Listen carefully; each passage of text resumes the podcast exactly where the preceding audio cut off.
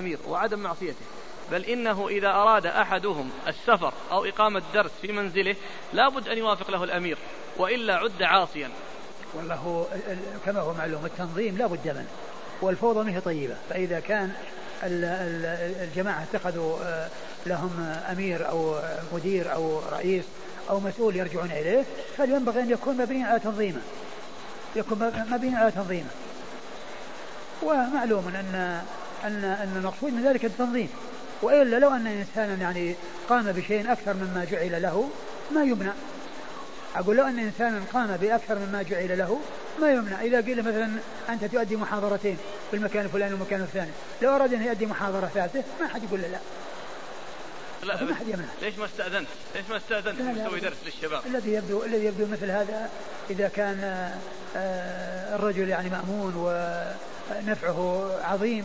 أنه لا يمانع في كونه آه، آه، يأتي بزيادة على الشيء اللي طلب منه. أنتم تعلمون أن هذه الأمور أصبحت حزبيات يعني لابد من الطاعة. إحنا كلامنا إحنا كلامنا كلامنا مع أهل السنة. إحنا كلامنا مع أهل السنة. يعني إذا كان الشخص نظم له محاضرتين وهو عنده استعداد إلى انه يزيد ما في مانع. ولا يقال هذا في معصية لأن لأن المقصود هو النفع. لا يخفى عليكم الآن السؤال عن العمليات الانتحارية. وهذه ورقة فيها فتاوى للشيخ ناصر الدين الألباني رحمه الله والشيخ محمد بن عثيمين والشيخ عبد العزيز. نحببكم نقرأ أو نستمر في الأسئلة؟ لا نستمر في الأسئلة. يقول هل يجوز قتل هذه الكلاب التي لا يستفاد منها؟ وهل تقتل بالسم مثلا؟ الكلاب التي فيها مضرة تقتل. والكتاب الكلاب التي لا لا لا ضرر منها تترك. ولا تقتل. لكن هذه الفتاوى التي ذكرت يعني تقرأها قال سؤال لسماحة العلامة الشيخ. خل الجميع يسمعونها. جزاك الله خير. سؤال لسماحة العلامة الشيخ محمد ناصر الدين الألباني رحمه الله السائل بعض الجماعات تقر الجهاد الفردي مستدلة بموقف الصحابي أبي بصير وتقوم بما يسمى بعمليات استشهادية وأقول انتحارية. فما حكم هذه العمليات؟ فأجاب الشيخ بالسؤال كم صار لهم السائل أربع سنوات؟ فقال الشيخ ناصر ربحوا أم خسروا؟ السائل خسروا. فقال الشيخ ناصر من ثمارهم تعرفون. مسألة العمليات الاستشهادية هل هناك جيش إسلامي يقاتل في سبيل الله؟ وأجاب نفسه قائلا الجواب لا. ثم قال حينما يكون هناك جهاد قائم على الأحكام الشرعية له قائد هو الذي ينظم المعارك وهو الذي يأذن بأن ينتحر فلان في سبيل القضاء على عدد من الكفار فإن هذا الفعل يجوز.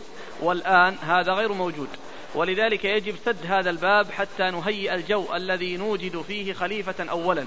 ونوجد قائدا يأتمر بأمر الخليفة. ونوجد جندا يأتمرون بأمر القائد. وهكذا. ولذلك فلا بد من وقل اعملوا فسيرى الله عملكم ورسوله والمؤمنون. إلى أن قال هؤلاء الذين ينتحرون الله أعلم بعبادتهم. الله أعلم بعادة هذا؟ ها؟ هذا كلام من؟ الشيخ ناصر. هذا كلام الشيخ ناصر ولا كلام السائل؟ هذا الشيخ ناصر هذا. ها. الله أعلم بعبادتهم الله أعلم بعاداتهم قد يكون فيهم من لا يصلي وقد يكون شيوعيا إلى آخره. لا بس الكلام ذاك اللي راح اللي فيه انه إذا كان له أمير وأنه يعني يجعل أحد ينتحر. هذا كله كلام الشيخ. كلام الشيخ هذا ما هو واضح هذا غير مستقيم. لأن قتل النفس يعني لا يجوز. لا يجوز الإنسان أن يقدم على شيء فيه قتل نفسه. يعني القتل المحقق الذي يعني كونه قاتل لنفسه. وأما كونه يقتل في سبيل الله من غير أن يكون يعني آه، آه، هو الذي قتل نفسه أو السبب في قتل نفسه. يعني إذا كان كلام شيخ ناصر هذا فيه أقول فيه نظر. حتى لو وجد الإمام. يعني الإمام يقول له انتحر. سؤال للشيخ ابن عثيمين. الذي يجعل المتفجرات في جسمه من أجل أن يضع نفسه في مجتمع من مجتمعات العدو. قاتل لنفسه وسيعذب بما قتل به نفسه في نار جهنم خالدا فيها مخلدا. كما ثبت ذلك عن النبي صلى الله عليه وسلم في من قتل نفسه في شيء يعذب به في نار جهنم. وعجبا من هؤلاء الذين يقومون بمثل هذه العمليات وهم يقرؤون قول الله تعالى ولا تقتلوا أنفسكم إن الله كان بكم رحيما ثم فعلوا ذلك هل يحصدون شيئا؟ هل ينهزم العدو؟ أم يزداد العدو شدة على هؤلاء الذين يقومون بهذه التفجيرات؟ وكما هو مشاهد الآن في دولة اليهود حيث لم يزدادوا بمثل هذه الأفعال إلا تمسكا بعنجهيتهم. بل إنا نجد أن الدولة اليهودية في الاستفتاء الأخير نجح فيها اليمينيون الذين يريدون القضاء على العرب. ولكن من فعل هذا مجتهدا ظانا أنه قربه إلى الله عز وجل فنسأل الله تعالى أن لا يؤاخذه لأنه متأول متأول جاهل. وأما الاستدلال بقصة الغلام فقصة الغلام حصل فيها دخول في الإسلام لا نكاية في العدو. ولذلك لما جمع الملك الناس وأخذ سهما من كنانة الغلام وقال بسم الله رب الغلام. صاح الناس كلهم الرب رب الغلام. فحصل فيه إسلام أمة عظيمة. فلو حصل مثل هذه القصة لقلنا إن, هناك مجالا للاستدلال وأن النبي صلى الله عليه وسلم قصها علينا لنعتبر بها.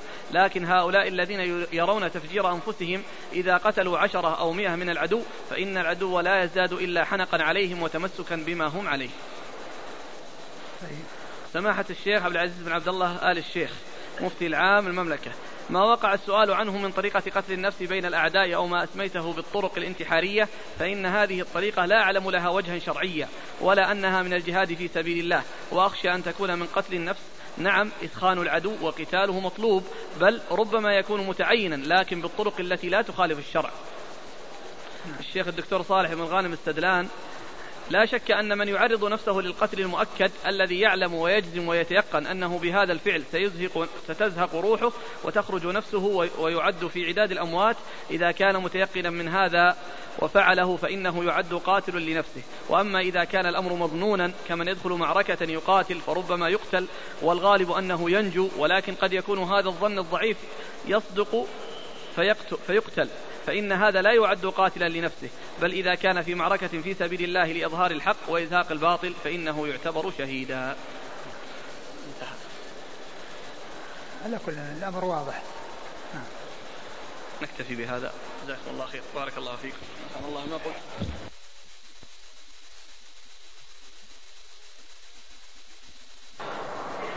بسم الله الرحمن الرحيم. الحمد لله رب العالمين. والصلاة والسلام على عبد الله ورسوله نبينا محمد وعلى آله وصحبه أجمعين. أما بعد قال الإمام أبو داود السجستاني رحمه الله تعالى باب في ثمن الخمر والميتة. قال حدثنا أحمد بن صالح قال حدثنا عبد الله بن وهب قال حدثنا معاوية بن صالح عن عبد الوهاب بن بخت عن أبي الزناد عن الأعرج عن أبي هريرة رضي الله عنه أن رسول الله صلى الله عليه وعلى آله وسلم قال إن الله حرم الخمر وثمنها وحرم الميتة وثمنها وحرم الخنزير وثمنه. بسم الله الرحمن الرحيم. الحمد لله رب العالمين وصلى الله وسلم وبارك على عبده ورسوله نبينا محمد وعلى آله وأصحابه أجمعين. أما بعد فيقول الإمام أبو داود السجستاني رحمه الله تعالى باب في ثمن الميتة والخمر. أي في حكم ذلك وأنه, وأنه حرام. وذلك أن هذه الأعيان محرمة يحرم الانتفاع بها فإذا أثمانها تكون حراما. والله تعالى إذا حرم شيئا حرم ثمنه. فهي حرام وثمنها حرام. فلا يجوز استعمالها ولا يجوز بيعها واستعمال ثمنها لأنها هي حرام وثمنها حرام. وقد أورد أبو داود رحمه الله حديث أبي هريرة رضي الله عنه. أن النبي صلى الله عليه وسلم قال أن النبي إن الله حرم الخمر وثمنها. إن الله حرم الخمر وثمنها. حرم الخمر وحرم الثمن الذي يكون في مقابلها. والشيء الذي حرمه الله آه، حرم ثمنه. أي أنه لا يجوز بيعه ولا يجوز أخذ آه، الثمن في مقابل ذلك الأمر ذلك الشيء المحرم. وحرم الميتة. نعم وثمنها, وثمنها فالميتة حرام وثمنها حرام. وحرم الخنزير. وحرم ثمنه. فإذا هذه الأشياء يحرم آه، آه، استعمالها. فإذا ثمنها حرام. فذواتها محرمة وأثمانها محرمة. والله عز وجل إذا حرم شيئا حرم ثمنه.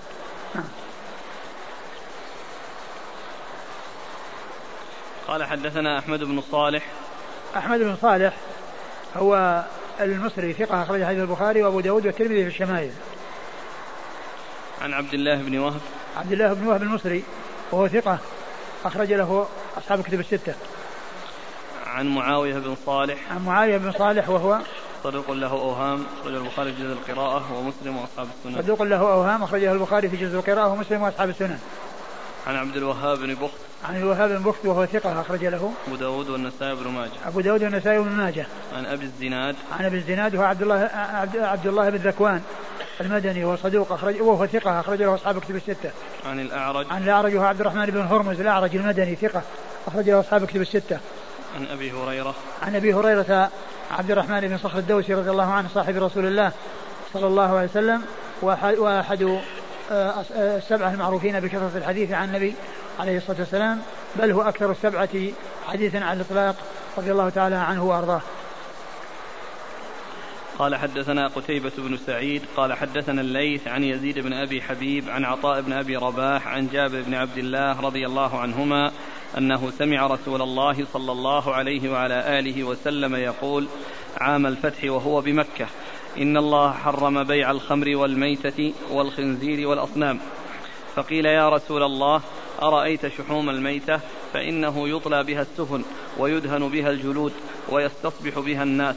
فقال لا هو حرام. ثم قال رسول الله صلى الله عليه وآله وسلم عند ذلك قاتل الله اليهود إن الله لما حرم عليهم شحومها أجملوه ثم باعوه فأكلوا ثمنه. ثم ورد أبو داود حديث جابر رضي الله تعالى عنه إن الله كان يقول عام الفتح إن الله حرم بيع الخمر والميتة والخنزير والأصنام. الميتة كما هو معلوم ما أزهقت روحه من غير زكاة من غير زكاة.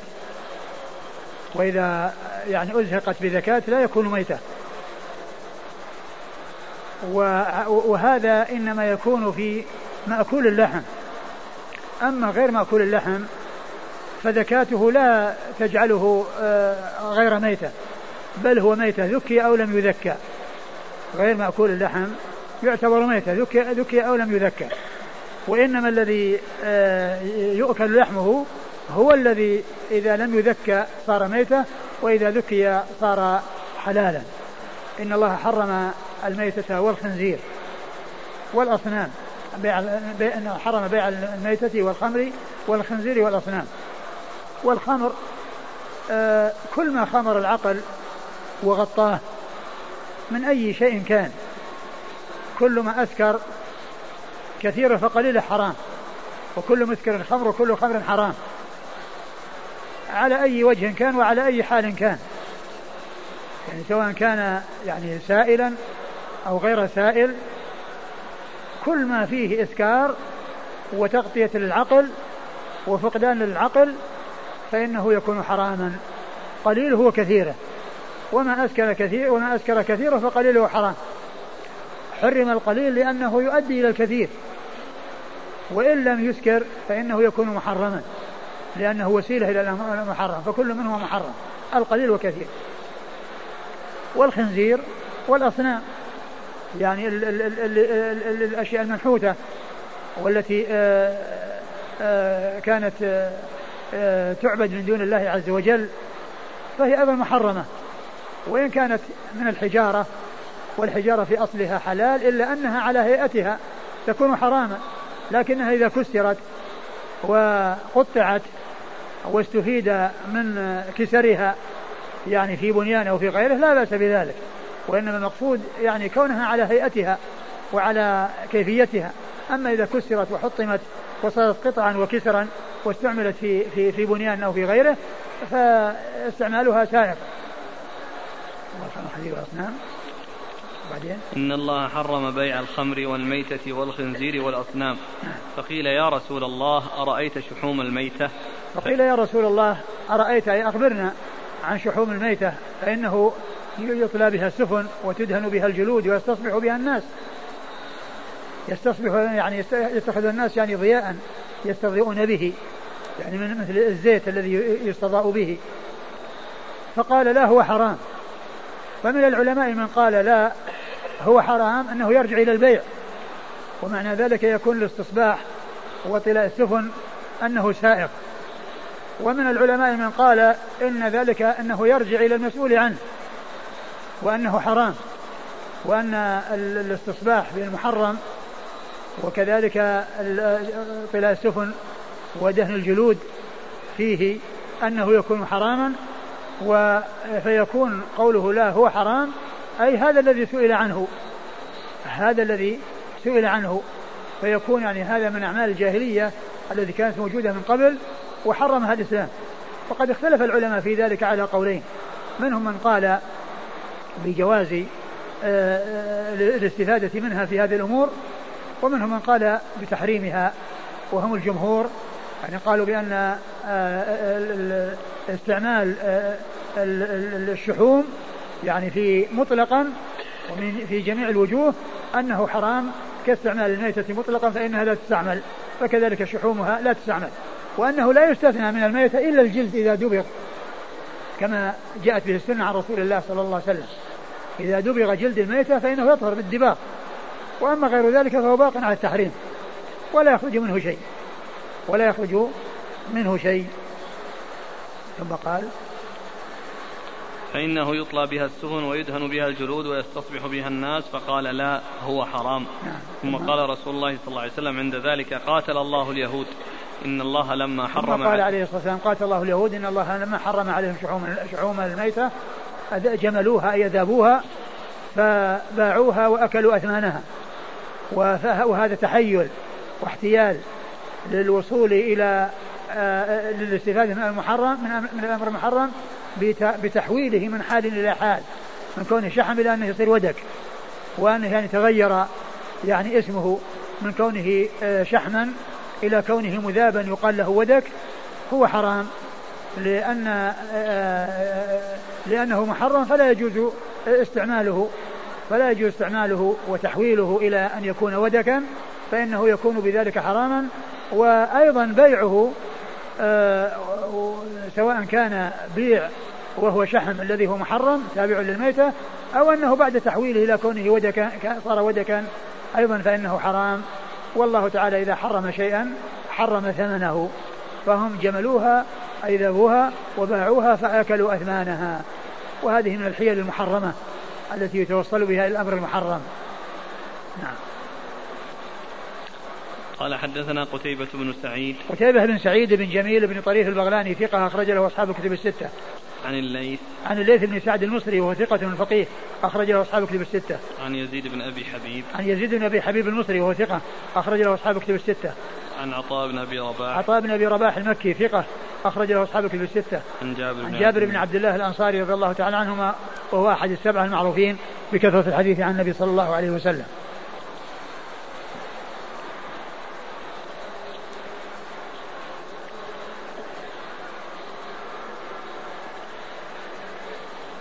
قال حدثنا محمد بن بشار قال حدثنا أبو عاصم عن عبد الحميد بن جعفر عن يزيد بن حبيب بن أبي حبيب. عن يزيد بن أبي حبيب قال كتب إلي عطاء عن جابر رضي الله عنه نحوه لم يقل هو حرام. ثم أورد أبو داود آه، حديث جابر من طريق أخرى وهو مثل الذي قبله إلا أنه قال في الآخر لم يقل هو حرام وإنما قال لا. رأيت شحوم فإنه كذا وكذا فقال لا. ولم يقل هو حرام في هذه الرواية. وأما الرواية الأولى فقال لا هو حرام. فقال لا هو حرام. نعم. قال حدثنا محمد بن بشار. محمد بن بشار الملقب بن دار البصري وهو ثقة أخرج له أصحاب الكتب الستة وهو شيخ لأصحاب الكتب الستة وهو من صغار شيوخ البخاري. محمد بن بشار من صغار شيوخ البخاري. مات قبل البخاري بأربع سنوات. البخاري توفي سنة 256 ومحمد بن بشار توفي 252 وقد توفي معه في تلك السنة أيضا شيخان للبخاري وهما من صغار شيوخه وهم أيضا وهما وهما أيضا من رجال أصحاب من شيوخ أصحاب الكتب الستة ورجال الكتب الستة وهم محمد بن مثنى الملقب زمن وإبراهيم ويعقوب بن إبراهيم الدورقي. يعقوب بن إبراهيم الدورقي يعني هؤلاء الثلاثة من صغار شيوخ البخاري وقد ماتوا بسنة واحدة أي قبل وفاة البخاري بأربع سنوات أي سنة اثنتين وخمسين ومائتين. نعم. عن أبي عاصم. عن أبي عاصم وهو النبيل الضحاك بن مخلد ثقة أخرج له أصحاب كتب الستة وهو من كبار شيوخ البخاري الذي يروي عنهم الثلاثيات. عن عبد الحميد بن جعفر. عن عن عبد الحميد بن جعفر وهو صدوق. ربما وهم. صدوق ربما وهم أخرج له. البخاري تعليقا ومسلم وأصحاب السنن البخاري تعليقا ومسلم وأصحاب السنن عن يزيد بن أبي حبيب. عن يزيد بن أبي حبيب مر ذكره. عن عن عطاء عن جابر. نعم. يقول أخ ثبت عند الإمام أحمد في مسنده أن السؤال جاء أرأيت بيع شحوم الميتة؟ هل هذا يكون تنصيص أن النهي جاء للبيع لا للانتفاع؟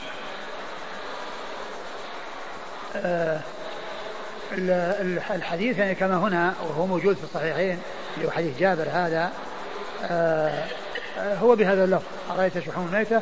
فإنه يستصبح فإنه تطلع بها السفن وتدهن بها الجلود وتدهن بها الجلود ويستصبح بها الناس فقال لا هو حرام.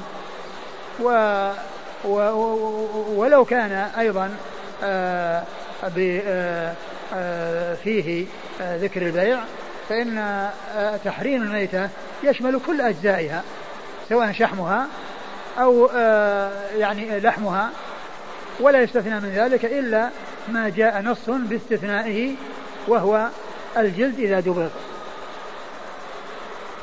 جاء جاء سؤال بالنسبة ما لا روح له فيه نعم. كالقرن والقرون والشعر. نعم. قرون الميتة وشعرها ما لا يدخله الروح.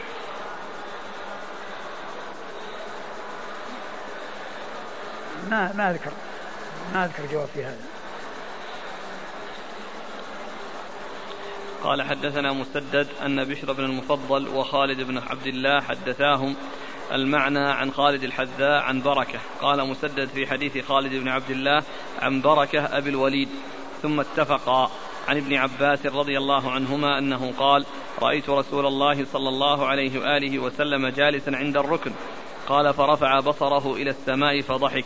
فقال لعن الله اليهود ثلاثا إن الله حرم عليهم الشحوم فباعوها وأكلوا أثمانها وإن الله إذا حرم على قوم أكل شيء حرم عليهم ثمنه ولم يقل في حديث خالد بن عبد الله الطحان رأيت وقال قاتل الله اليهود الصحابي من هو؟ ابن عباس ثم ورد أبو داود حديث ابن عباس النبي أنه رأى النبي صلى الله عليه وسلم عند الركن ورفع رأسه إلى السماء وضحك وقال قاتل الله اليهود. إن الله لما حرم عليهم شحوم حرم عليهم. إن الله إن الله حرم عليهم الشحوم فباعوها وأكلوا أثمانها. إن الله حرم عليهم الشحوم فباعوها وأكلوا أثمانها. فباعوها وأكلوا أثمانها. فهو مثل الذي قبله. نعم. قال حدثنا مسدد. مسدد بن مسرهد البصري ثقة أخرجه البخاري وأبو داود والترمذي والنسائي. عن بشر بن المفضل. بشر بن المفضل ثقة أخرجه أصحاب الكتب الستة. عن خالد بن عبد وخ... وخالد بن عبد الله. وخالد بن عبد الله هو الطحان الواسطي ثقة أخرج له أصحاب الكتب الستة. عن خالد الحذاء. عن خالد بن مهران الحذاء وهو ثقة أخرج له أصحاب الكتب الستة. والحذاء هذا لقب لقب به خالد بن مهران وقيل إن تسمية سبب تسميته بتلقيبه بالحذاء ليس على ما يتبادر للذهن. يعني الذي يتبادر للذهن أن الحذاء إما يبيع الأحذية أو يصنعها وهو لا يبيع ولا يصنع وإنما كان يجالس الحذائين فقيل له الحذاء. كان يأتي عند الحذائين ويجلس عندهم فكان يقال له الحذاء. وقيل إنه كان يقول للحذاء احذوا على كذا. يعني معناه يرسم له شيء ويقول احذوا احذوا على كذا. يعني قص من الجلد على هذا النحو الذي رسمته فقيل له الحذاء لأنه كان يقول احذوا على كذا. أي اقطع الجلد على هذا الرسم آه الذي آه وضعته ورسمته. فهو من الإضافة إلى أدنى ملابسة أو إلى أدنى مناسبة. إلى أدنى مناسبة وهي كونه يجلس عند الحذائين نعم. عن بركة عن بركة أبو الوليد وهو ثقة أخرجه أبو داود وابن ماجه. ثقة أخرجه أبو داود وابن ماجه. عن ابن عباس.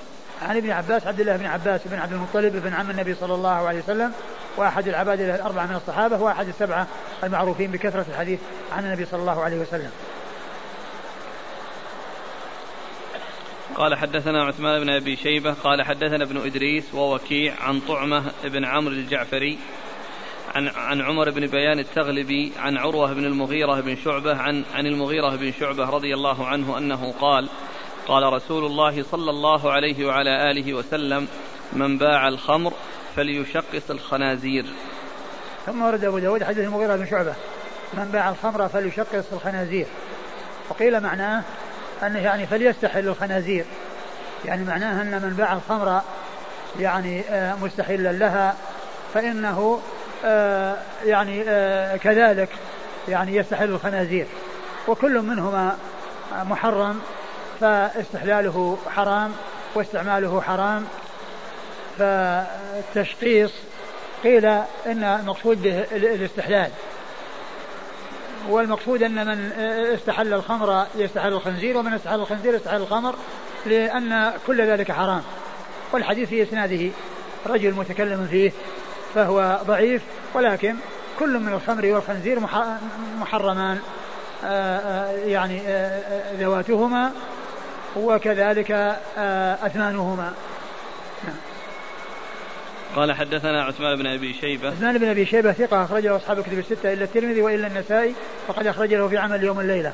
عن ابن إدريس. عن ابن إدريس عبد الله بن إدريس وهو ثقة اخرج له أصحاب الكتب الستة. ووكيع. وكيع بن الجراح الرؤاسي الكوفي ثقة أخرج له أصحاب الكتب الستة.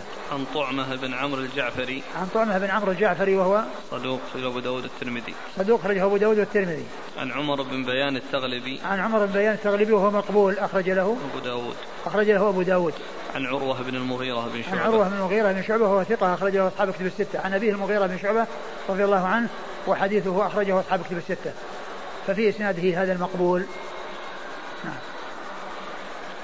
قال حدثنا مسلم بن إبراهيم قال حدثنا شعبة عن سليمان عن أبي الضحى عن مسروق عن عائشة رضي الله عنها أنها قالت لما نزلت الآيات الأواخر من سورة البقرة خرج رسول الله صلى الله عليه وآله وسلم فقرأهن علينا وقال حرمت التجارة في الخمر. ثم ورد أبو داود حديث آه، عائشة. عائشة ام المؤمنين رضي الله عنها أنها لما نزلت الآيات من أواخر سورة البقرة أي في الربا الآيات التي في الربا في آخر سورة البقرة التي أولها الذين يأكلون الربا لا يقومون إلا كما يقوم الذي يتخبطه الشيطان من المس آه، آه، قال عليه الصلاة والسلام إن الله حرم التجارة في الخمر يعني أنها أنه ذكر تحريم الربا وتحريم الخمر مع بعض. بين تحريم هذا وتحريم هذا وأخبر بتحريم هذا وبتحريم هذا. فهو دليل على آه، ما ترجم له المصنف من تحريم الخمر والميتة. نعم. قال حدثنا مسلم بن إبراهيم. مسلم بن إبراهيم الفراهيدي ثقة أخرج له أصحاب الكتب الستة. عن شعبة. عن شعبة بن الحجاج الواسطي ثم البصري وهو ثقة أخرج له أصحاب الكتب الستة. عن سليمان. عن سليمان بن بلال وهو ثقة أخرج له أصحاب الكتب الستة. سليمان. سليمان. حديث. سليمان بن بلال. لا الحديث عن الأعمش. كما في التحفة سليمان بن الأعمش. سليمان الأعمش. نعم. عن سليمان عن عن أبي الضحى. سليمان الأعمش لأنه يأتي مرة باسمه ومرة بلقبه. وهو سليمان بن مهران الكاهلي ثقة أخرجه أصحاب كتب الستة. عن أبي الضحى. أبو الضحى وهو مسلم بن صبيح وهو ثقة أخرجه أصحاب كتب الستة. عن مسروق. مسروق بن الأجدع ثقة أخرجه أصحاب كتب الستة. عن عائشة. عن عائشة أم المؤمنين رضي الله عنها وأرضاها الصديقة بنت الصديق وهي واحدة من سبعة أشخاص عرفوا بكثرة الحديث عن النبي صلى الله عليه وسلم. قال حدثنا عثمان بن أبي شيبة قال حدثنا أبو معاوية عن الأعمش بإسناده ومعناه قال الآيات الأواخر في الربا. ثم ورد الحديث من طريق أخرى وفيه بيان الآيات الأواخر أنها في الربا. وهو مثل الذي قبله إلا أنه ذكر ذكر الأعمش بلقبه وفي الأول ذكر باسمه. و ومعرفة ألقاب المحدثين وألقاب أصحاب الأسماء آه، آه، فائدتها ألا يظن الشخص الواحد شخصين. معرفة فائدة معرفتها ألا يظن الشخص الواحد شخصين. بمعنى أنه يأتي باسمه مرة في إسناد ومر بلقبه في إسناد. فيظن ظان أن هذا غير هذا مع أنه هو هذا. ذكر مرة باسمه ومرة بلقبه كما في هذين الإسنادين وهما في موضوع واحد. مرة جاء سليمان ومرة جاء الأعمش وسليمان هو الأعمش. نعم.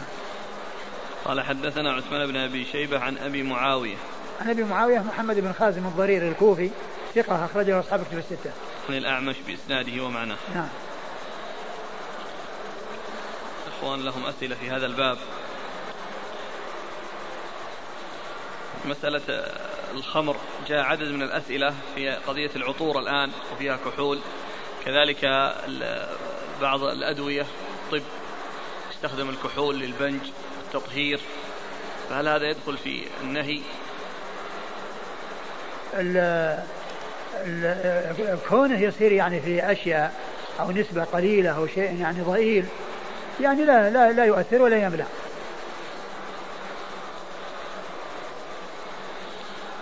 يعني مثلا الآن هذا يسأل عن البنزين يقول يسكر بالشم أو بالشرب فهل يعتبر حرام؟ آه لا ما ما حرام استعماله في الشرب. وأما كونه يصير خمر وأنه لا يستعمل يستعمل. يستعمل في الشيء الذي آه آه يستفاد منه. وهناك أشياء قد تستعمل أو مثل تغرية في, في أشياء يعني الناس يستفيدون منها. فكونها تستعمل وأنها قد تسكر لا يقال أنها يعني آه، تكون حراما لا يجوز استعمالها يعني في الشيء الذي وضعت من أجله وإنما لا يجوز استعمالها في الشيء الذي آه، آه، فيه مضرة. بيع الخمر والخنزير على الكفار. لا يجوز. لا يجوز المسلم أن يبيع الخمر والخنزير على أحد. لا مسلم ولا كافر.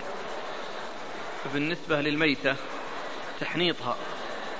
وضع مواد لتبقى على ما هي عليه واستخدامها للزينة. ليس لا ينبغي هذا لأن هذا من من الأشياء التي آه، قد يكون على مر الزمان يفتتن فيها ويعتقد فيها أمور محذورة. وأمور محرمة مثل ما حصل في الشرك الذي حصل يعني في في الأمم السابقة في اتخاذ الصور وإبقائها وطال الأمد فعبدوها.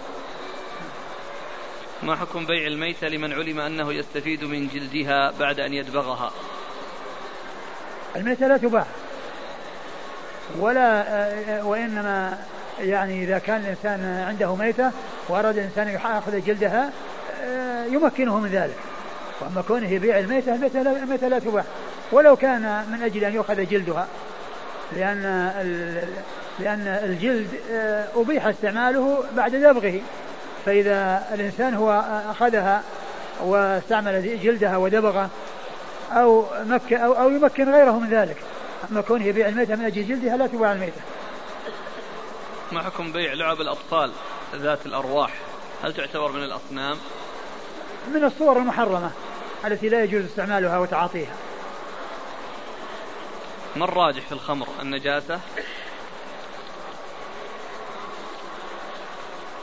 العلماء اختلفوا في هذا وأنا ما أذكر يعني إيش الراجح في هذا. ذكرتم أحسن الله إليكم أن الله عز وجل إذا حرم شيئا حرم ثمنه. يقول الأخ فلماذا جاز بيع الحمار؟ وقد حرم الله أكله.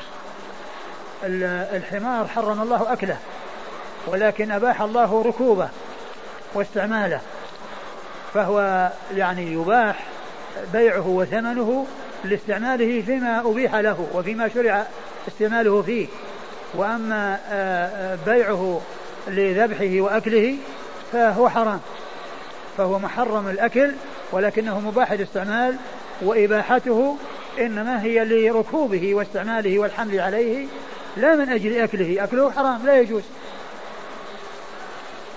بعض الناس يقوم باصطياد الخنازير ثم يبيعونها للقائمين على حديقة الحيوانات كي يطعموها الحيوانات مثل السباع.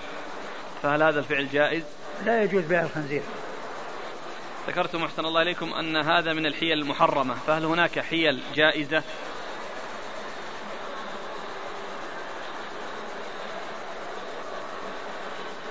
ما أعرف. ما أتذكر يعني يعني مثال للحيل الجائزة. نعم في حيل جائزة ولكن ابن القيم ذكر كثيرا منها في إعلام الموقعين ذكر كثيرا من الحيل ويعني ما كان سائغا منها ذكره في إعلام الموقعين ومنها الحيلة التي حصلت من يوسف لل يعني للحصول على أخيه التي جاءت في القرآن. نعم. نعم. إيش؟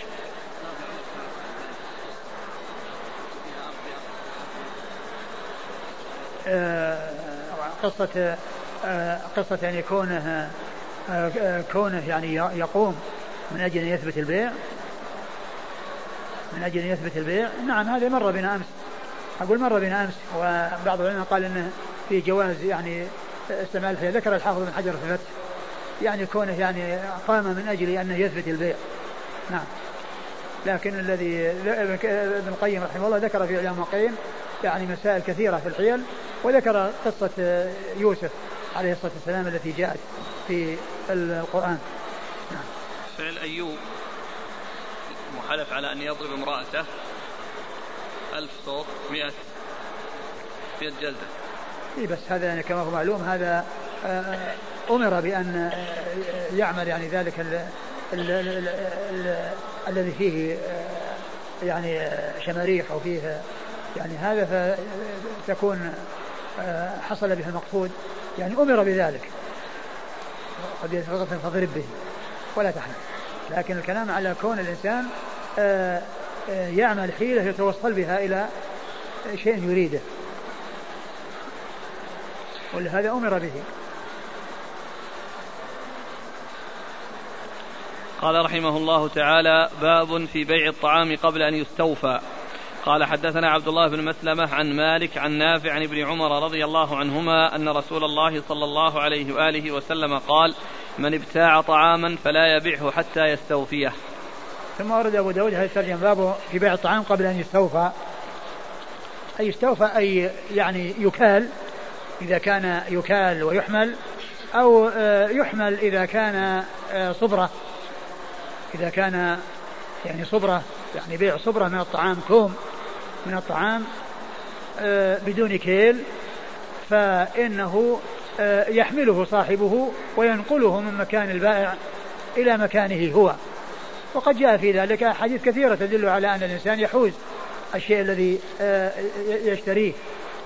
وأكثر الأحاديث وردت في الطعام. وجاء في بعضها على لفظ العموم.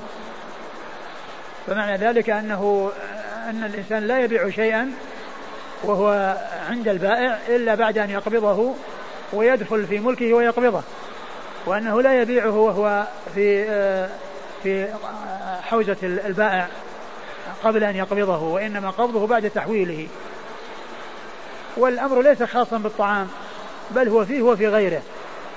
وهذا فيما إذا كان المبيع يعني في ملك البائع وفي مكان البائع فيحول إلى مكان المشتري لكن إذا كان البائع باع في مكان مشاع مشترك مثل أسواق الخضار وأسواق التمور التي الناس يأتون بالبضائع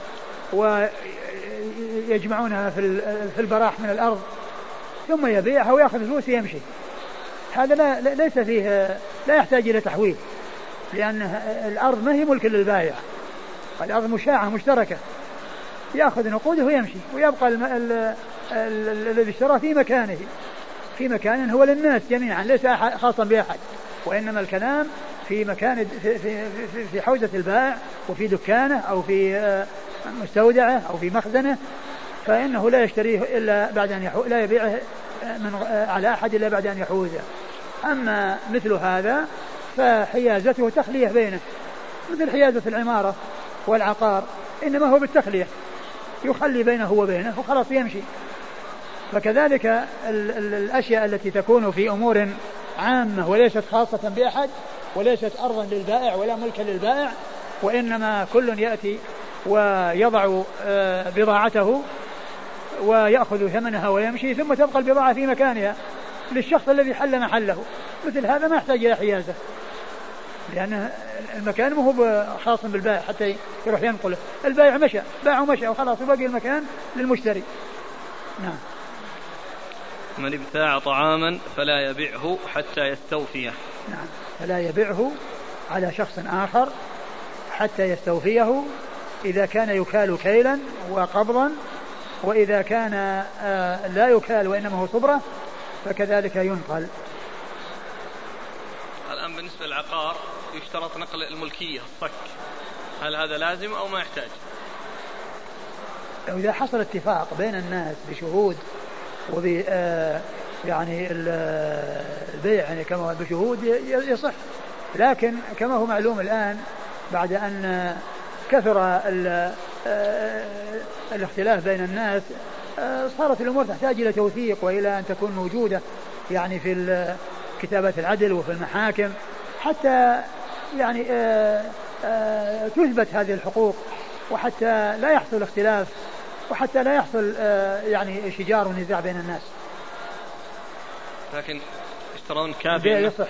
ولو لم يكن موثق البيع يصح إذا حصل شهود فإنه يصح البيع بذلك. قال حدثنا عبد الله بن مسلمة. عبد الله بن مسلمة القعنبي ثقة أخرج له أصحاب الكتب الستة إلا ابن ماجه. عن مالك. مالك بن أنس إمام دار الهجرة المحدث الفقيه. ثقة ثقة أخرجه أصحاب كتب الستة. عن نافع. عن نافع مولى بن عمر ثقة أخرجه أصحاب كتب الستة. عن ابن عمر. عن ابن عمر عبد الله بن عمر رضي الله تعالى عنهما الصحابي الجليل أحد العباد له الأربعة من الصحابة وأحد السبعة المعروفين بكثرة الحديث عن النبي صلى الله عليه وسلم. إسناد رباعي. الإسناد رباعي نعم. آه القعنبي مالك نافع بن عمر هذا أعلى أو من أعلى الأسانيد عند أبي داود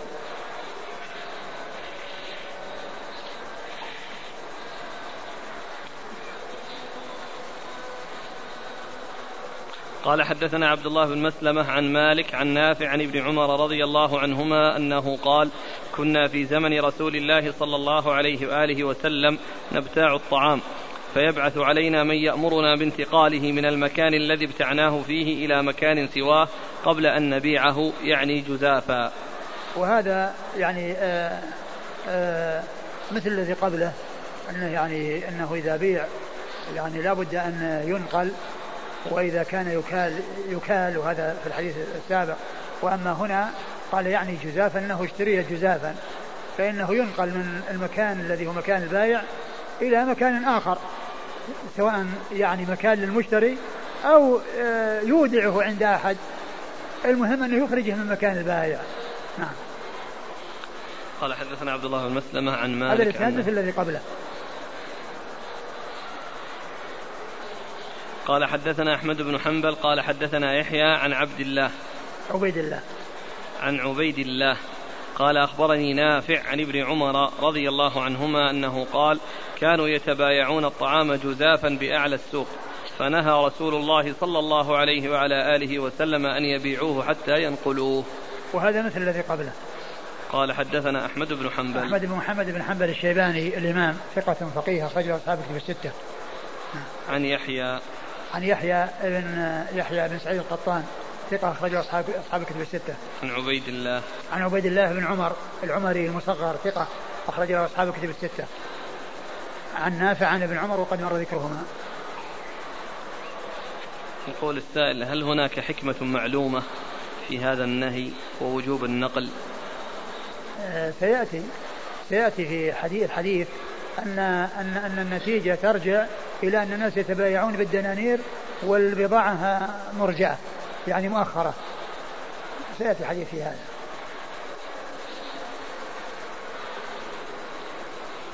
قال حدثنا أحمد بن صالح قال حدثنا ابن وهب قال حدثنا عمرو عن المنذر بن عبيد المديني أن القاسم بن محمد حدثه أن عبد الله بن عمر رضي الله عنهما حدثه أن رسول الله صلى الله عليه وآله وسلم نهى أن يبيع أحد طعاما اشتراه بكيل حتى يستوفيه.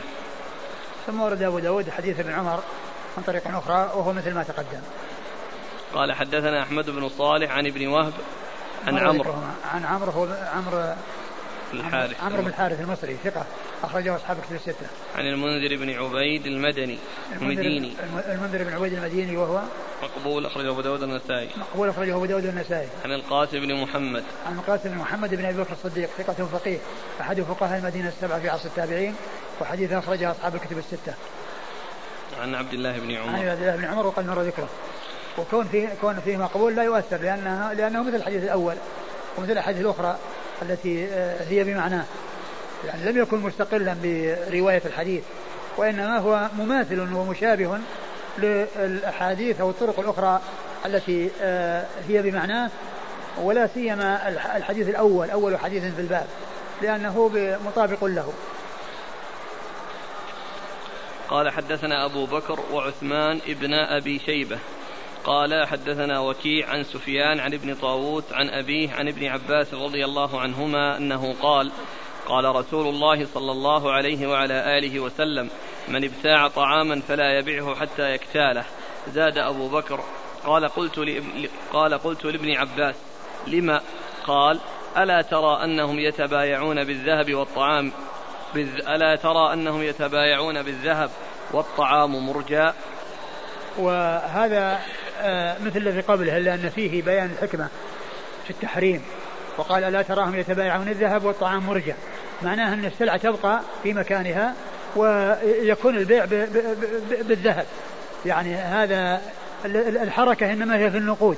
وأما الطعام في مكانه يروح عدة بيعات وهو في مكانه. فصارت القضية كأنها قضية بيع نقود بنقود مع التفاضل مع التفاضل. لأن السلعة آه، باقية في مكانها. يعني يجري عدة بيعات والسلعة ما تحركت. رجعت إلى أنه بيع نقود بنقود مع آه، التفاضل.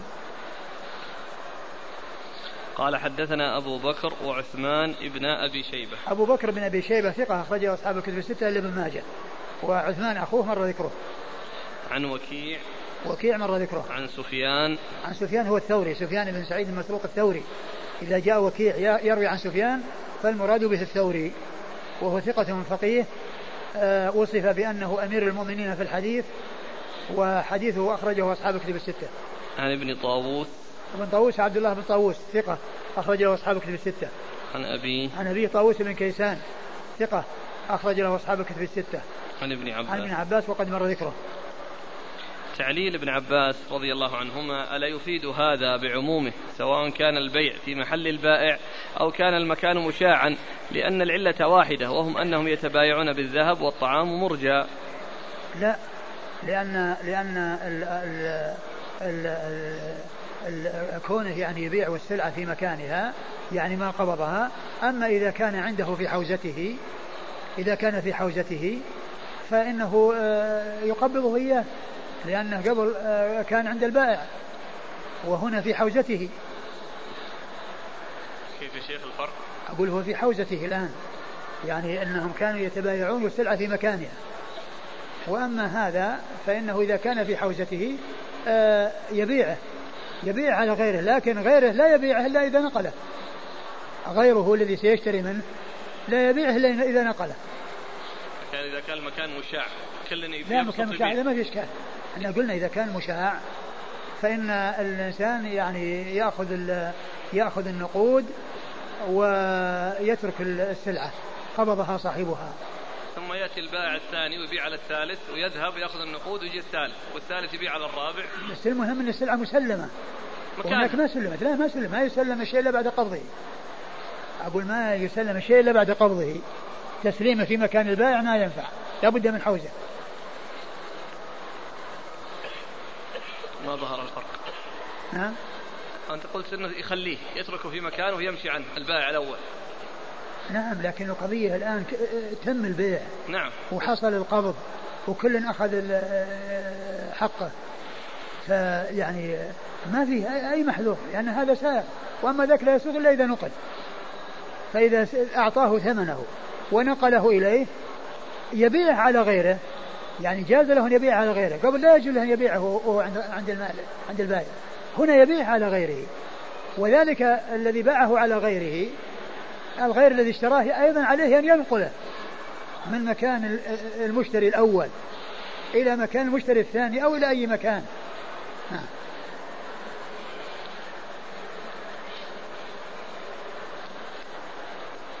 يقول الأخ الآن كذلك السيارات تباع.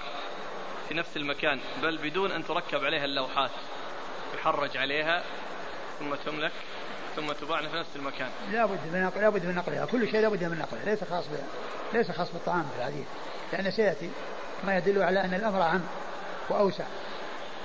في حديث زيد بن ثابت وحديث آه، حكيم بن حزام. يدلان على العموم. والمعنى الذي في الكيل هو موجود. ولهذا جاء عن عن ابن عباس قال ما أرى غيره إلا سواء أو إلا مثله سيأتي. أحسب. لا أحسب كذا إلا لا أحسب غير الطعام إلا مثله. يعني معناه أن أن أنه يقاس. يعني هذا على هذا. مع أنه قد جاء حديث دالة على العموم. ولو لم يأتي يكفي القياس.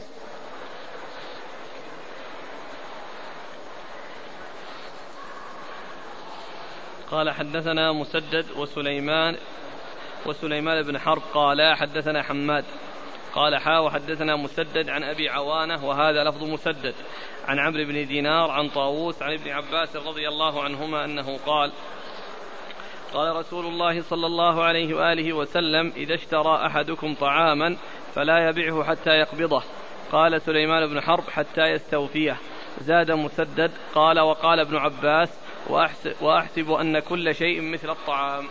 ثم ورد أبو حديث ابن عباس وهو مثل ما تقدم وفيه قول ابن عباس أن كل شيء مثل الطعام يعني في الحكم أن غيره يقاس عليه. والقياس صحيح ولكن قد جاء أحاديث تدل على العموم آه، الطعام وغير الطعام. يعني حديث جابر يعني من باع شيئا يعني فلا آه، يبيعه حتى يعني يقبضه أو يستوفيه. وحديث زيد بن ثابت آه، يعني آه، السلع يعني بيع السلع يعني أعم من أن يكون طعام وغير طعام.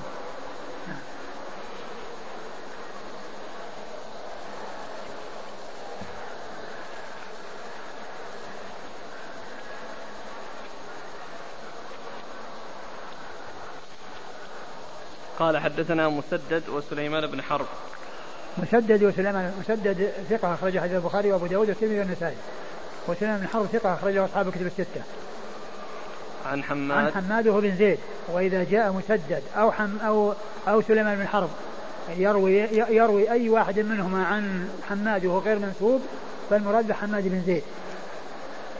إذا جاء مسدد أو سليمان بن حرب يروي كل واحد منهما عن حماد وحماد مهمل غير منسوب فإنه يحمل على حماد بن زيد. كما سبق أن عرفنا أنه كلما جاء موسى بن إسماعيل يروي عن حماد غير منسوب فالمراد بحماد بن سلمة. نعم. قال حا وحدثنا مسدد عن أبي عوانة. أبو عوانة الوضاح بن عبد الله اليشكري وهو ثقة أخرج له أصحاب الكتب الستة. قال وهذا لفظ مسدد عن عمرو بن دينار. عمرو بن دينار ثقة أخرج له أصحاب الكتب الستة. عن طاووس عن ابن عباس. عن طاووس عن ابن عباس وقد مر ذكرهما. قال حدثنا الحسن بن علي قال حدثنا عبد الرزاق قال حدثنا معمر عن الزهري عن سالم عن ابن عمر رضي الله عنهما أنه قال رأيت الناس يضربون على عهد رسول الله صلى الله عليه وعلى آله وسلم إذا اشتروا الطعام جزافا أن يبيعوه حتى يبلغه حتى يبلغه إلى رحله. ثم أورد أبو داود حديث ابن عمر أنه قال رأيت الناس يضربون إذا ابتاعوا الطعام جزافا أن يعني لا يبيعه إلا بعد أن يبلغه إلى رحله بمعنى أنه يحمله وينقله.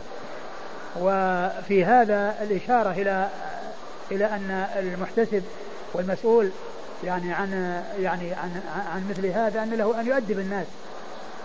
ولو كان ذلك بالضرب يعني حتى يحملوه وينقلوه من مكان المكان البائع إلى رحل المشتري أو إلى مكان آخر. ما هو لازم يوديه إلى رحله المهم أنه ينقله من مكان البائع ولو جعله عند إنسان يعني أمانة أو في مستودع إنسان من الناس ما عنده مستودع ولكنه يضع عند آخر. المهم أن أن يقبضه وينقله من مكان البائع. قال حدثنا الحسن بن علي. الحسن بن علي الحلواني ثقة. أخرج له أصحاب الكتب الستة إلا النسائي. عن عبد الرزاق. عبد الرزاق بن همام الصنعاني اليماني ثقة. أخرج له أصحاب الكتب الستة. عن معمر. ومعمر هو بن راشد الأزدي البصري ثم اليماني وهو ثقة. أخرج له أصحاب الكتب الستة. عن الزهري. عن الزهري محمد بن مسلم بن عبد الله بن شهاب. الزهري ثقة. أخرج له أصحاب الكتب الستة. عن سالم. عن سالم بن عبد الله بن عمر وهو ثقة فقيه. أخرج له أصحاب الكتب الستة. عن عبد الله بن عمر وقد مر ذكره. ما معنى جزافا؟ جزافا يعني بدون كيل يعني كوم. قال حدث يعني كوم من من التمر أو كوم من البر أو كوم من الشعير. يعني غير مكيل لا يعرف لا يعرف مقداره.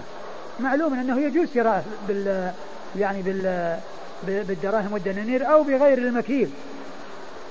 بغير بغير الطعام.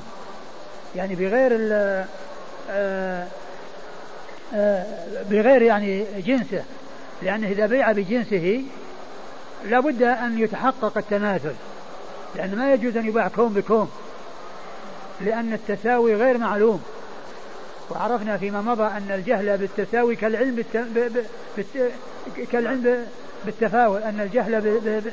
أن الجهل بالتساوي بالتساوي بالتفاضل. كالعلم بالتفاضل. الجهل بالتساوي كالعلم بالتفاضل. بأن بيع الشيء بجنسه لابد أن يعرف مقداره كيلا. صاع بصاع.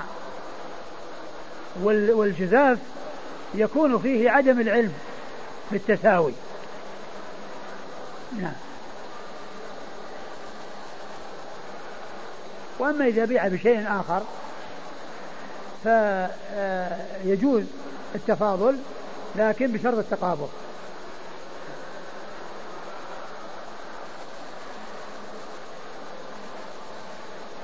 قال حدثنا محمد بن عوف الطائي قال حدثنا أحمد بن خالد الوهبي قال حدثنا محمد بن إسحاق عن أبي الزناد عن عبيد بن حنين عن ابن عمر رضي الله عنهما أنه قال ابتعت زيتا في السوق فلما استوجبته لنفسي لقيني رجل فأعطاني به ربحا حسنا. فأردت أن أضرب على يده فأخذ رجل من خلفي بذراعي فالتفت فإذا زيد بن ثابت رضي الله عنه فقال لا تبعه حيث ابتعته حتى تحوزه إلى رحلك فإن رسول الله صلى الله عليه وآله وسلم نهى أن تباع السلع حيث تبتاع حتى يحوزها التجار إلى رحالهم. ثم ورد أبو داود حديث زيد بن ثابت رضي الله عنه وهو الذي فيه العموم وأن النبي صلى الله عليه وسلم نهى أن تبتاع السلع حتى يحوزها التجار إلى رحالهم. يعني الذين اشتروا يحوزونها إلى رحالهم. يعني لا يبيعونها وهي في مكانها عند البائع. يعني آه، وإنما لا بد من حوزها ولا بد من نقلها إلى رحالهم أو أماكن أخرى آه، غير مكان البائع. فهذا يفيد العموم وأن الأمر لا يختص بالطعام وإنما في عموم السلع سواء كانت سيارات أو حديد أو أو آه، أي شيء. وحديث جابر الذي ما ذكره المصنف ما أورده فيه إذا ابتاع شيئا. نعم. قال حدثنا محمد بن عوف الطائي.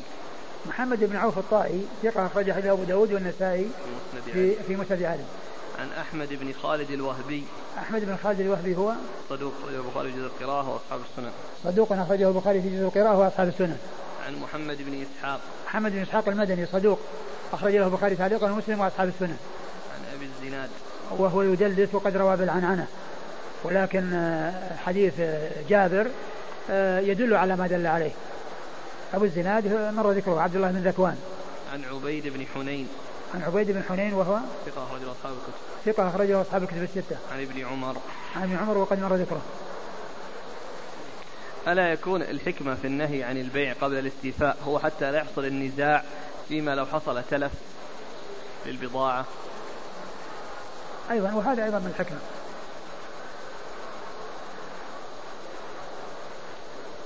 ما حكم شراء العقار من بعض البنوك بالتقسيط؟ إذا كانت الشركة لا تملك العقار وتمتلكه إذا اختاره المشتري ثم بعد ذلك تقسط الثمن عليه. البائع إذا ملك السلعة أو ملك العقار ودخل في ملكه والمشتري بالخيار سواء اشترى أو لم يشتري فإن للمشتري أن يشتري منه. للمشتري أن يبيع أن يشتري من هذا البائع. إذا كان السلعة دخلت في ملكه وبعد دخولها في ملكه المشتري بالخيار. وهو معناه أنه ملزم بالبيع بالكلام الذي جرى من قبل. فإذا كان البائع اشترى السلعة؟ ودخلت في ملكه. والذي يريد أن يشتريها ليس ملزما فله أن يشتري وإلا فلا.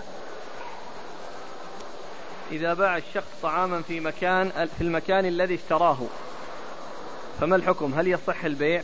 لا ما يصح البيع. يعني عقد باطل. نعم. ندخل في الباب الجديد. باب في الرجل يقول في البيع لا خلابة. انتهى الباب. نعم. والله تعالى أعلم وصلى الله وسلم وبارك على عبده ورسوله نبينا محمد وعلى آله وأصحابه أجمعين. جزاكم الله خيرا وبارك الله فيكم ونفعنا الله بما قلتم. فضيلة الشيخ يتم البيع الآن في سوق الخضار بطريقة المزايدة.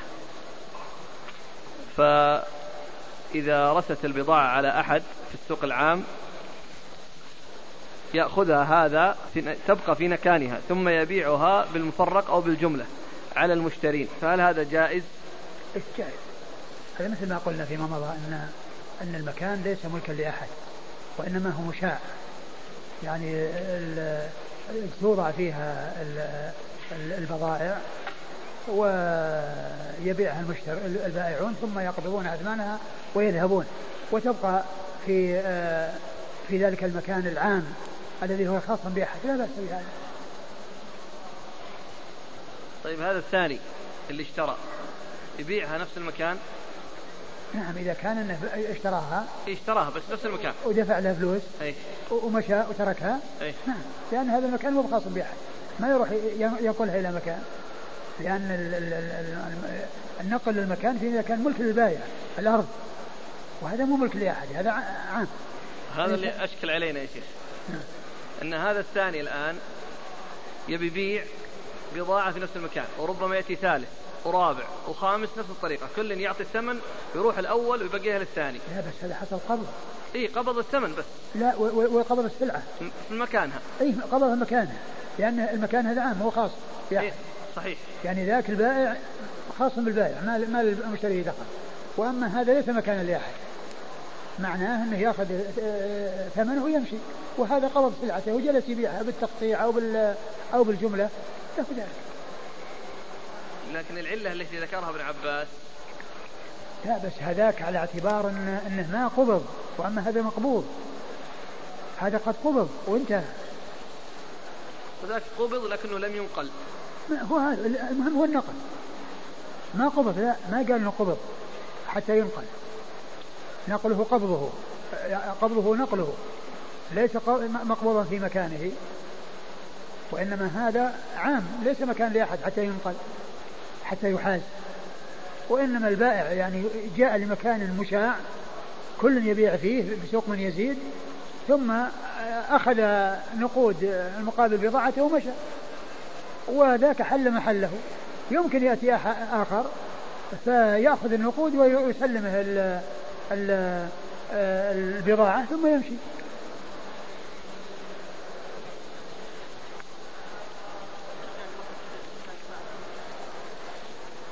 إيش؟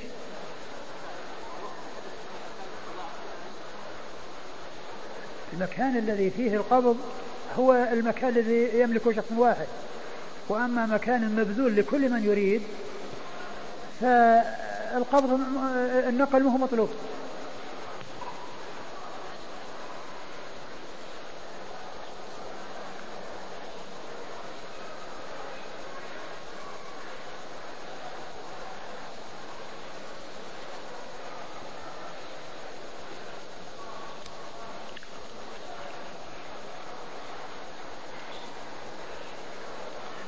يقول الأخ يقول ألا يدخل في هذا بيع الأسهم لأن السلعة في مكان واحد؟ بيع الأسهم ما أعرف عن شيء. جاء في الصحيحين من حديث ابن عمر رضي الله عنهما أنه قال كانوا يتبايعون الطعام في أعلى السوق ثم يبيعونه في مكانه فنهاهم رسول الله صلى الله عليه وسلم حتى ينقلوه. فما توجيهه في قوله أعلى السوق؟ يعني كان علما مكان. بأن السوق مكان عام مشترك. لا بل يعني كان مكان يعني مو لازم أن يكون أنه مكان مشاع. على السوق يعني دكاكين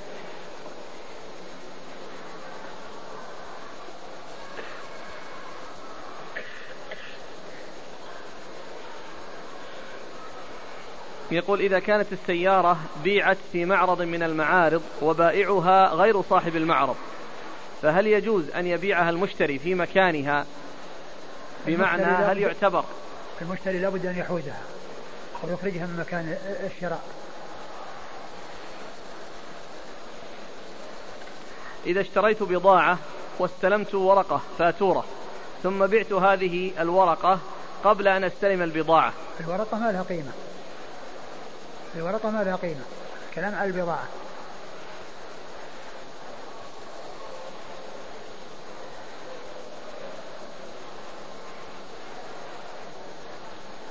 هذا إشكال آخر. يقول قلتم إن البيع إذا كان في مكان مشاع فلا بأس بأن يبيعه شيئا بعد أن يبيع شيئا منه بعدما اشتراه. وجاء في حديث ابن عمر الأخير أنه ابتاع زيتا في السوق ومع ذلك نهاه زيد بن ثابت. فما التوجيه؟ في السوق يعني معناها هو معناه أنها أنها أنه يعني مكان مشاع. لأن السوق يعني من يعني في في دكان أو في في كذا.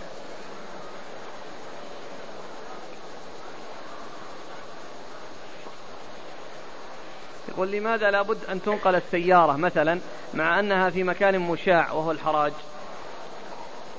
آه الحراج يعني كما هو معلوم مكان مملوك. لأنه يكون في معرض من المعارض والمعرض مملوك. والمقصود أنه يعني يأخذها من مكان البيع إلى رحله أو إلى مستودعه. نعم. الأخ يطلب الجواب على سؤاله اللي سألت قبل الدرس. أثناء عودتي من العمل وجدت الزوجة تتكلم مع رجل أجنبي فقلت لها أنت حرام مع العلم بأن هذه الزوجة تعاني من مرض نفسي فما الحكم؟ ما أدري ما إن كان يريد بأنها حرام طلاق فإنه يكون طلاقا. وإن كان يريد أن أن أن, حثها ومن الحلف وأنه يحلف عليها وأنه يريد الإقسام عليها بذلك والحلف بذلك فإن هذا يكفر كفارة يمين كما جاء في القرآن في أول سورة التحريم قد قد فرض الله لكم تحلة أيمانكم. يا أيها النبي لما تحرم ما أحل الله لك تبغي مرضات أزواجك ثم قال قد فرض الله لكم تحلة أيمانكم. وهو بمعنى اليمين وإن كان يريد الطلاق فهو طلاق بعض الناس الآن يشترون برامج الكمبيوتر. ثم يفكون برنامج يشترون؟ برامج الكمبيوتر. ويفكون منها برمجة آه، برنامج الحماية. فيقومون بنسخ هذه البرامج ويبيعونها بثمن قليل. مع أن النسخة الأصلية تباع بأسعار غالية. فهل فعلهم هذا جائز؟ آه، الإنسان آه، عليه أن يحافظ على حقوق الناس وألا يتعدى على حقوق الناس. ولو كان هو نفسه يعني صاحب هذا الشان فهل يوافق أن يعمل معه هذا العمل؟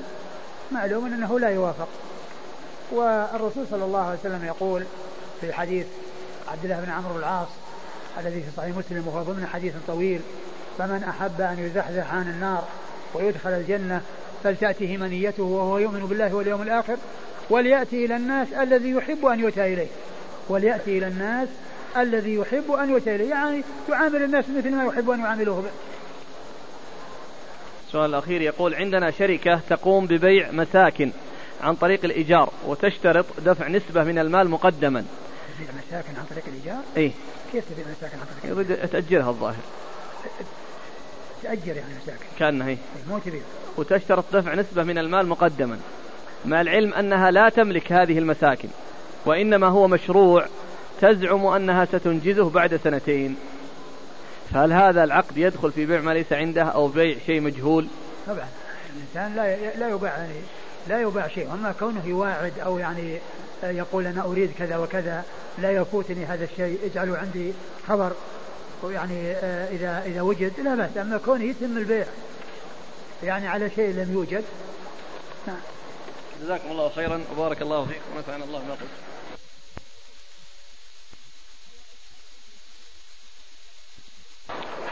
بسم الله الرحمن الرحيم. الحمد لله رب العالمين.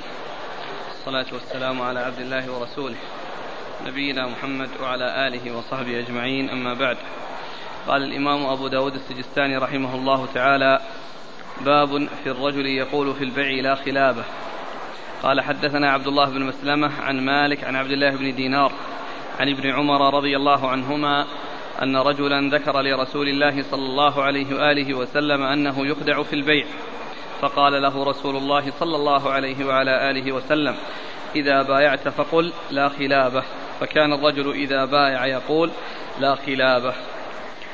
بسم الله الرحمن الرحيم. الحمد لله رب العالمين وصلى الله وسلم وبارك على عبده ورسوله نبينا محمد وعلى آله وأصحابه أجمعين. أما بعد فيقول الإمام أبو داود السجستاني رحمه الله تعالى باب في الرجل يقول عند البيع لا خلابة أي لا خديعة. والمقصود من ذلك أن أن الشخص قد يكون يعني ما عنده خبرة ولا عنده معرفة أو ما عنده فطنة يعني في البيع وأنه قد يخدع ويزاد عليه في السعر لأنه ما عنده فطنة وذكاء وقد يكون عنده شيء من الغفلة فهو عندما آه، يذكر شيئا يدل على حاله يجعل البائع على حذر من أن يقع في أمر لا يصلح ولا ينبغي وأنه آه، إن حصل منه خديعة فإنه آه، سيترتب على ذلك رجوع المبيع إليه. وعدم بقاء البيع على ما هو عليه. هذا هو المقصود من من من من الترجمة ومما جاء تحتها. وقد أورد أبو داود حديث ابن عمر رضي الله تعالى عنهما أن رجلا كان جاء إلى النبي صلى الله عليه وسلم وقال إنه يخدع في البيع. فقال له إذا بعت فقل لا خلابة. يعني لا خديعة. فكان الرجل إذا بايع يقول لا خلابة.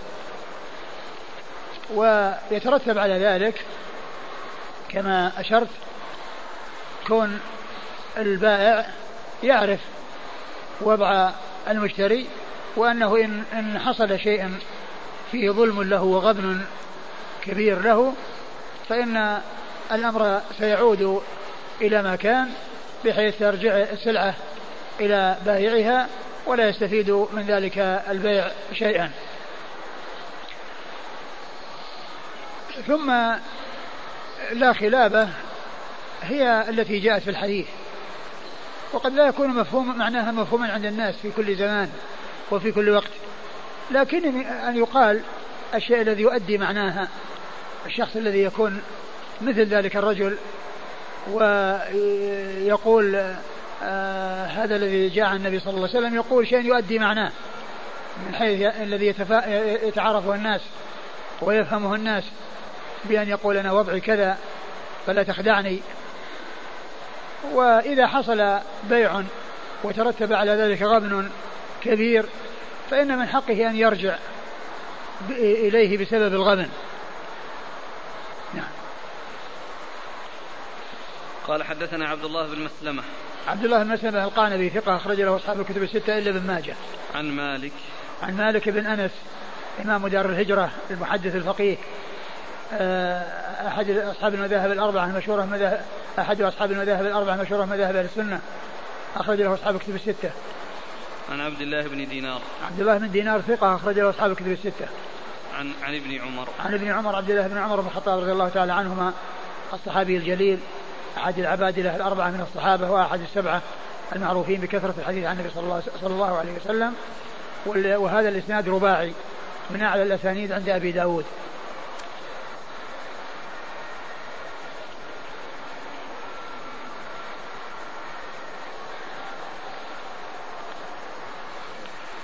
قال حدثنا محمد بن عبد الله الأرزي الأرزي. الأرزي وإبراهيم بن خالد أبو ثور الكلبي. المعنى قال حدثنا عبد الوهاب قال محمد عبد الوهاب بن عطاء. قال أخبرنا سعيد عن قتادة عن أنس بن مالك رضي الله عنه أن رجلا على عهد رسول الله صلى الله عليه وعلى آله وسلم كان يبتاع وفي عقدته ضعف. فأتى أهله نبي الله صلى الله عليه وآله وسلم فقالوا يا نبي الله أحجر على فلان فإنه يبتاع وفي عقدته ضعف. فدعاه النبي صلى الله عليه وآله وسلم فنهاه عن البيع. فقال يا نبي الله إني لا أصبر عن البيع. فقال رسول الله صلى الله عليه وعلى آله وسلم إن كنت غير تارك البيع فقل هاء وهاء ولا خلابة. قال أبو ثور عن سعيد. ثم أورد أبو داود حديث أنس بن مالك رضي الله تعالى عنه في قصة رجل آه، كان في عقدته ضعف. قيل معناه أن في لسانه ضعف وفي عقله ضعف وأن ولكنه يعني آه، ما وصل إلى حد أنه لا يعقل بل هو يعقل ولكنه عنده يعني شيء من الخلل في عقله وفي لسانه. فجاء أولياؤه أو أقاربه وقالوا احجر عليه يعني امنعه من التصرف في البيع والشراء. فسأله وقال له إنه لا يستطيع أن يصبر عن البيع يعني إنه قد اعتاد البيع وألفه فهو لا يصبر عنه. فقال إذا إذا كان الأمر كذلك فأنت عندما آه، تبيع فقل هاء وهاء ولا خلافه. يعني آه، يعني خذ وأعطي. يعني هاتي أو معنى هاتي وخذ هاك وهاتي بمعنى خذ وأعطي وأنه يبيع ويأخذ ويعطي يدفع الثمن ويأخذ السلعة أو العكس بأن تكون السلعة له يدفعها ويأخذ ثمنها ويقول لا خلافة الذي هو آه الذي مر في الإسناد أو في الحديث السابق آه الذي فيه إشارة إلى حال الإنسان وإلى آه ضعفه وأنه إذا ترتب على ذلك آه، آه، خديعة أن من حقه أن يعود على من خدعه مع ضعفه وعدم قدرته وتمكنه من أن آه، يعرف ما هو أصلح لنفسه وما هو أنفع لنفسه نعم.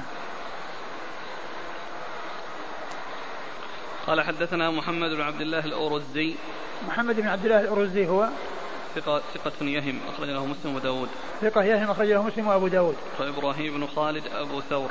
عن إبراهيم بن خالد و... وإبراهيم بن خالد. وإبراهيم وإبراهيم أبو خالد أبو ثور. هو ثقة أخرجه أبو داود وابن ماجه. ثقة أخرجه أبو داود وابن ماجه. عن عبد الوهاب قال محمد عبد الوهاب بن عطاء. عن عبد الوهاب بن عطاء وهو صدوق ربما أخطأ. أخرج البخاري في خلق أفعال العباد ومسلم وأصحاب السنن. صدوق ربما أخطأ أخرجه البخاري في خلق أفعال العباد ومسلم وأصحاب السنن. عن سعيد عن قتادة. سعيد بن أبي عروبة ثقة أخرج له أصحاب كتب الستة. قتادة بن دعامة السدوسي البصري ثقة أخرجه أصحاب كتب الستة. عن أنس بن مالك رضي الله عنه خادم رسول الله صلى الله عليه وسلم وأحد السبع المعروفين بكثرة الحديث عن النبي صلى الله عليه وسلم. قال أبو ثور عن سعيد. قال أبو ثور عن سعيد. يعني في آه، في روايته قال عن سعيد لأن الأول قال حدثنا أو أخبرنا. أخبرنا سعيد. نعم أخبرنا سعيد. يعني أن أحد آه، أحد الاثنين الذين جاء في الإسناد أحدهما من طريقه جاء أخبرنا والثاني من طريقه جاء عن إسناد الحديث؟ إسناد الحديث يعني كما هو معلوم آه، فيه آه، من هو مدلس ولكن آه، هو بمعنى الحديث السابق الذي فيه لا خلافة. يعني هو بمعنى ذاك متفق عليه. حديث ابن عمر الرباعي. يقول الأخ هل في هذا الحديث جواز الحجر على من لا يحسن البيع؟ نعم الذي لا يحسن البيع يعني لسفهه أقول لسفهه نعم يمكن يحجر عليه إذا كان يضيع المال. وأما إذا كان إنه يعني ما يعني آه ما عنده سفه ولكنه عنده شيء من الضعف و آه، فلا يحجر عليه لأن الرسول صلى الله عليه وسلم ما حجر على هذا الذي جاء. ولكن من آه، عرف فيه سفه لكونه يبذر المال وكونه يفسد المال يحجر عليه التصرف في ماله وينفق عليه منه. ينفق عليه منه ولا يمكن من التصرف فيه لأنه يضيعه ويتلفه. وقد يكون كبيرا وقد يكون صغيرا السفه يكون للكبير وللصغير.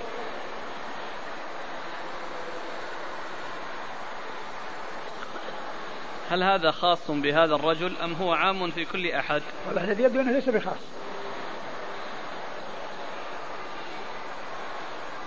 هل يقولها سرا في نفسه أو يقولها للبائع؟ لا يقولها للبائع. إيش معنى يكون يقولها سرا إيش يدري الناس عنها يعني هو المقصود أن أن تعلم وأن من يقابله ومن يعامله يعرف حاله حتى لا آه، يعني يقع في أمر معه في أمر محذور ثم يترتب عليه أنه يعاد عليه البيع.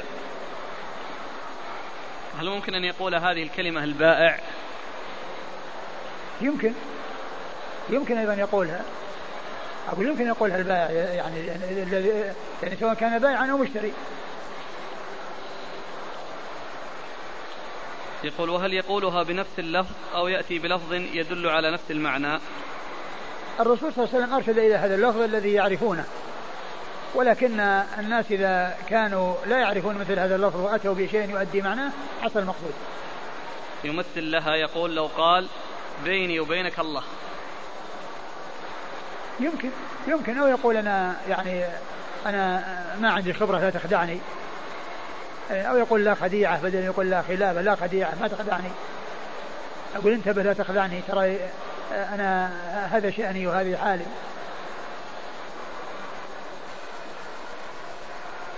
قال رحمه الله تعالى باب في العربان.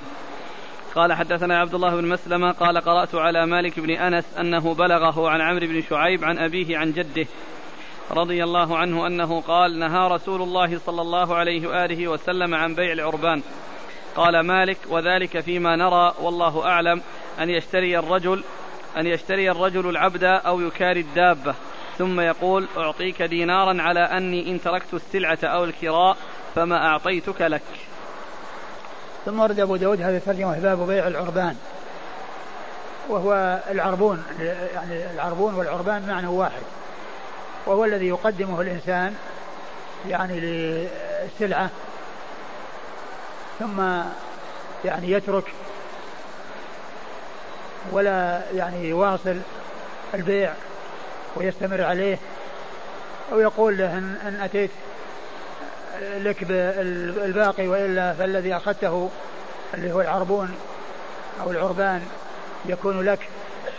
هذا هو المقصود بالعربان أو بيع العربان. وقد ورد فيه أبو داود حديثا ضعيفا لم يثبت لأن فيه انقطاع لأنه يعني يقول بلغني مالك يقول فيه بلغني يعني معناه أن فيه فيه حذف وفيه واسطة أو وسائط محذوفة فهو غير ثابت. يعني من حيث, من حيث الإسناد. والعلماء اختلفوا في ذلك. منهم من قال باعتبار يعني ذلك ومنهم من قال بعدم اعتباره. والحديث لم يثبت في ذلك عن رسول الله صلوات الله وسلامه وبركاته عليه. قال حدثنا عبد الله بن مسلمة قال قرأت على مالك بن أنس أنه بلغه عن عمرو بن شعيب. عمرو بن شعيب ابن محمد ابن عبد الله بن عمرو بن العاص وهو صدوق أخرج له البخاري في جزء القراءة وأصحاب السنن. عن أبيه آه، شعيب بن محمد وهو صدوق أخرجه البخاري في جزء القراءة وفي الأدب المفرد وأصحاب السنن.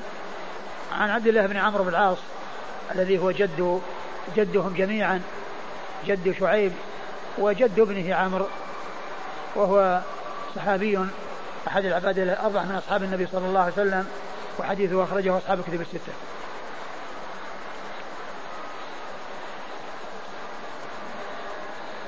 أن يشتري الرجل العبد أو يكاري الدابة. يعني سواء كان عربون على على بيع أو على إجرة أو استئجار. يعني على يعني بيع أو استئجار.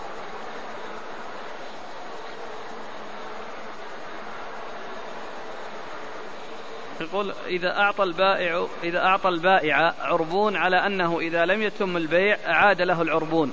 هل هذا جائز؟ هذا ما في إشكال. هذا ما في ما, ما في إشكال.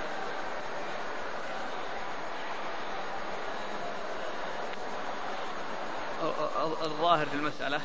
الله أعلم. طيب الآن إنسان يكون مضطر إلى هذا الأمر. يعمله ننحرف ونستغفر الله. كيف؟ أقول مضطر الإنسان. يعني الآن بعض الأماكن ما تستأجرها أو هذه ليست بعربون العربون ما يأجرك على كل هذا لا شك من باب التوثق لكن عندما يحصل عدول آه كونه ياخذ يعني هذا المبلغ يعني أقول فيه نظر. قال رحمه الله تعالى باب في الرجل يبيع ما ليس عنده. قال حدثنا مسدد قال حدثنا أبو عوانة عن أبي بشر عن يوسف بن ماهك عن حكيم بن حزام رضي الله عنه أنه قال يا رسول الله يأتيني الرجل فيريد مني البيع ليس عندي أفأبتاعه له من السوق؟ فقال لا تبع ما ليس عندك. ثم ورد أبو داود هذا الثاني باب الرجل يبيع ما ليس عنده. أي أنه ليس له ذلك وإنما يبيع الشيء الذي يملكه والذي في حوزته وفي ملكه. وأما شيء عند الناس لا يبرم الاتفاق عليه ولكنه يعني يقول إذا لم يكن عنده قال أنا أبحث لك انتظر أبحث. إن وجدته جئتك به. أما كونه يجري الاتفاق معه ويتم البيع بينه وبينه وهو ليس في حوزته وليس في ملكه ثم يأتي ويتم البيع على ذلك هذا هو الذي جاء فيه المنع. وأما إذا كان ما حصل اتفاق ولكنه قال أنا ليس عندي ولكن أبحث إن وجدته آه، أتيتك به ويكون الاتفاق بعد الحضور هذا لا بأس به. وإنما المحذور أن يكون اتفق معه وهو ليس في حوزته وباعه شيء لا يملكه. والإنسان لا يبيع إلا ما كان يملك. وما كان عنده وفي حوزته وفي ملكه وتحت تصرفه. أورد أبو داود حديث جابر. حكيم بن حزام. حديث حكيم بن حزام. حزام رضي الله تعالى عنه. أنه قال يأتيني الرجل يشتري مني الشيء فلا يكون عندي ف يعني فأبتاع يعني أشتري ثم أبيع عليه. يعني معناه أنه يتفق معه ثم يروح يشتري أو يأتي به يبتاعه ويبيع عليه. فالرسول صلى الله عليه وسلم قال لا تبع ما ليس عندك لأن كونه يجري البيع ثم يذهب ويبحث ولا يجد يعني معناه أنه أبرم شيئا على غير أساس وعلى غير آه على غير شيء موجود أو شيء يعني يمكن أن يعول عليه وقد يذهب ولا يحصل قد يسعى من أجل أن يحصل ولا يحصل فليرجع البيع حتى يتم الملك وحتى يوجد الشيء الذي يباع. قال حدثنا مسدد. مسدد بن مسرهد البصري ثقة أخرج له البخاري وأبو داود والترمذي والنسائي. عن أبي عوانة. عن أبي عوانة الوضاح بن عبد الله اليشكري وهو ثقة أخرج له أصحاب الكتب الستة. عن أبي بشر. عن أبي بشر وهو جعفر بن إياس المشهور بابن أبي وحشية وهو ثقة أخرج له أصحاب الكتب الستة. عن يوسف بن ماهك. عن يوسف بن ماهك وهو ثقة أخرج له أصحاب الكتب الستة. عن حكيم بن حزام. عن حكيم بن حزام رضي الله عنه وهو صحابي أخرج له أصحاب الكتب الستة. يقول الأخ إذا قال آتيك بالسلعة ولم يقل إنه ليس عندي هل هذا جائز؟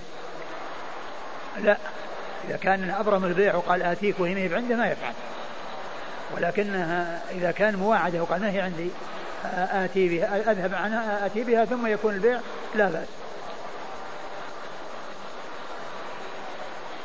يقول بعض المحلات التجارية إذا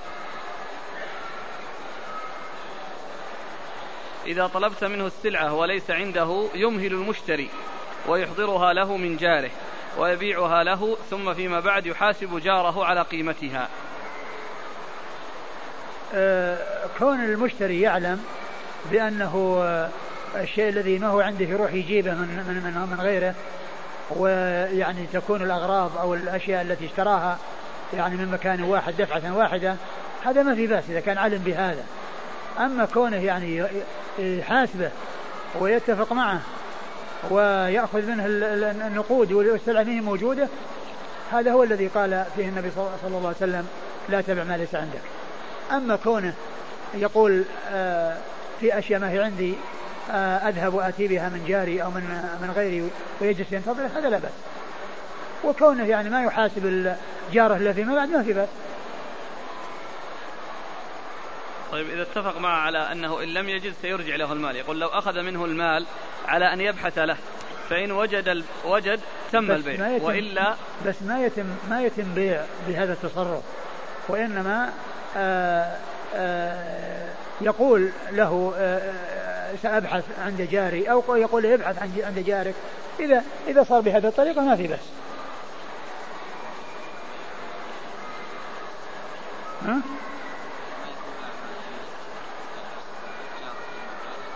لا لأن ذاك أعطاه أعطاه السلعة بقيمتها. فيكون معناه أن أنه يعني يعني بيع مؤجل. أي من قبيل بيع المؤجل.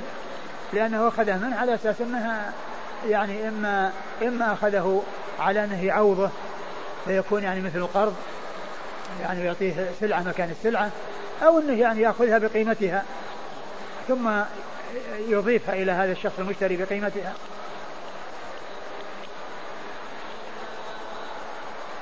هل يجوز للمشتري أن يعطي البائع نقودا مقدما لسلعة ليست عنده على أن يشتريها له فيعتبر هذا من السلم؟ كونه يعطيه من أجل أنه يشتري له سلعة معينة يعني موصوفة يعني موصوفة يعني في ذمته هذا ما في بس يعني يشتري يعطيه فلوس يقول اشتري يعني شاة يعني شأنها كذا وسنها كذا هذا ما في بس هذه وكالة ذي.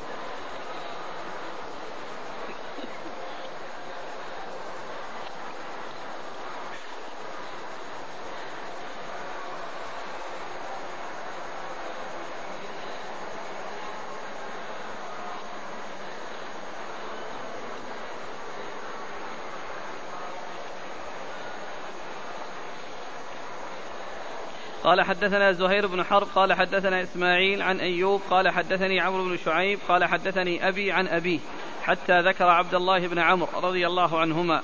قال قال رسول الله صلى الله عليه وآله وسلم لا يحل سلف وبيع ولا شرطان في بيع ولا ربح ما لم تضمن ولا بيع ما ليس عندك.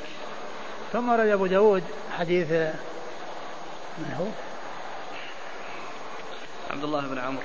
حديث عبد الله بن عمرو بن العاص رضي الله تعالى عنهما. أن النبي صلى الله عليه وسلم قال لا يحل سلف وبيع. لا يحل سلف وبيع. يعني آه، آه، يمكن أن يكون يقصد المقصود بالسلف الذي هو القرض.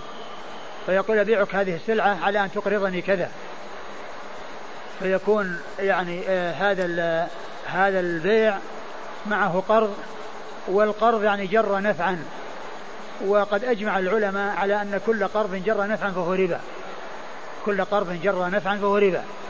فيكون يعني آه يعني هذا هذا القرض آه بني على بيع.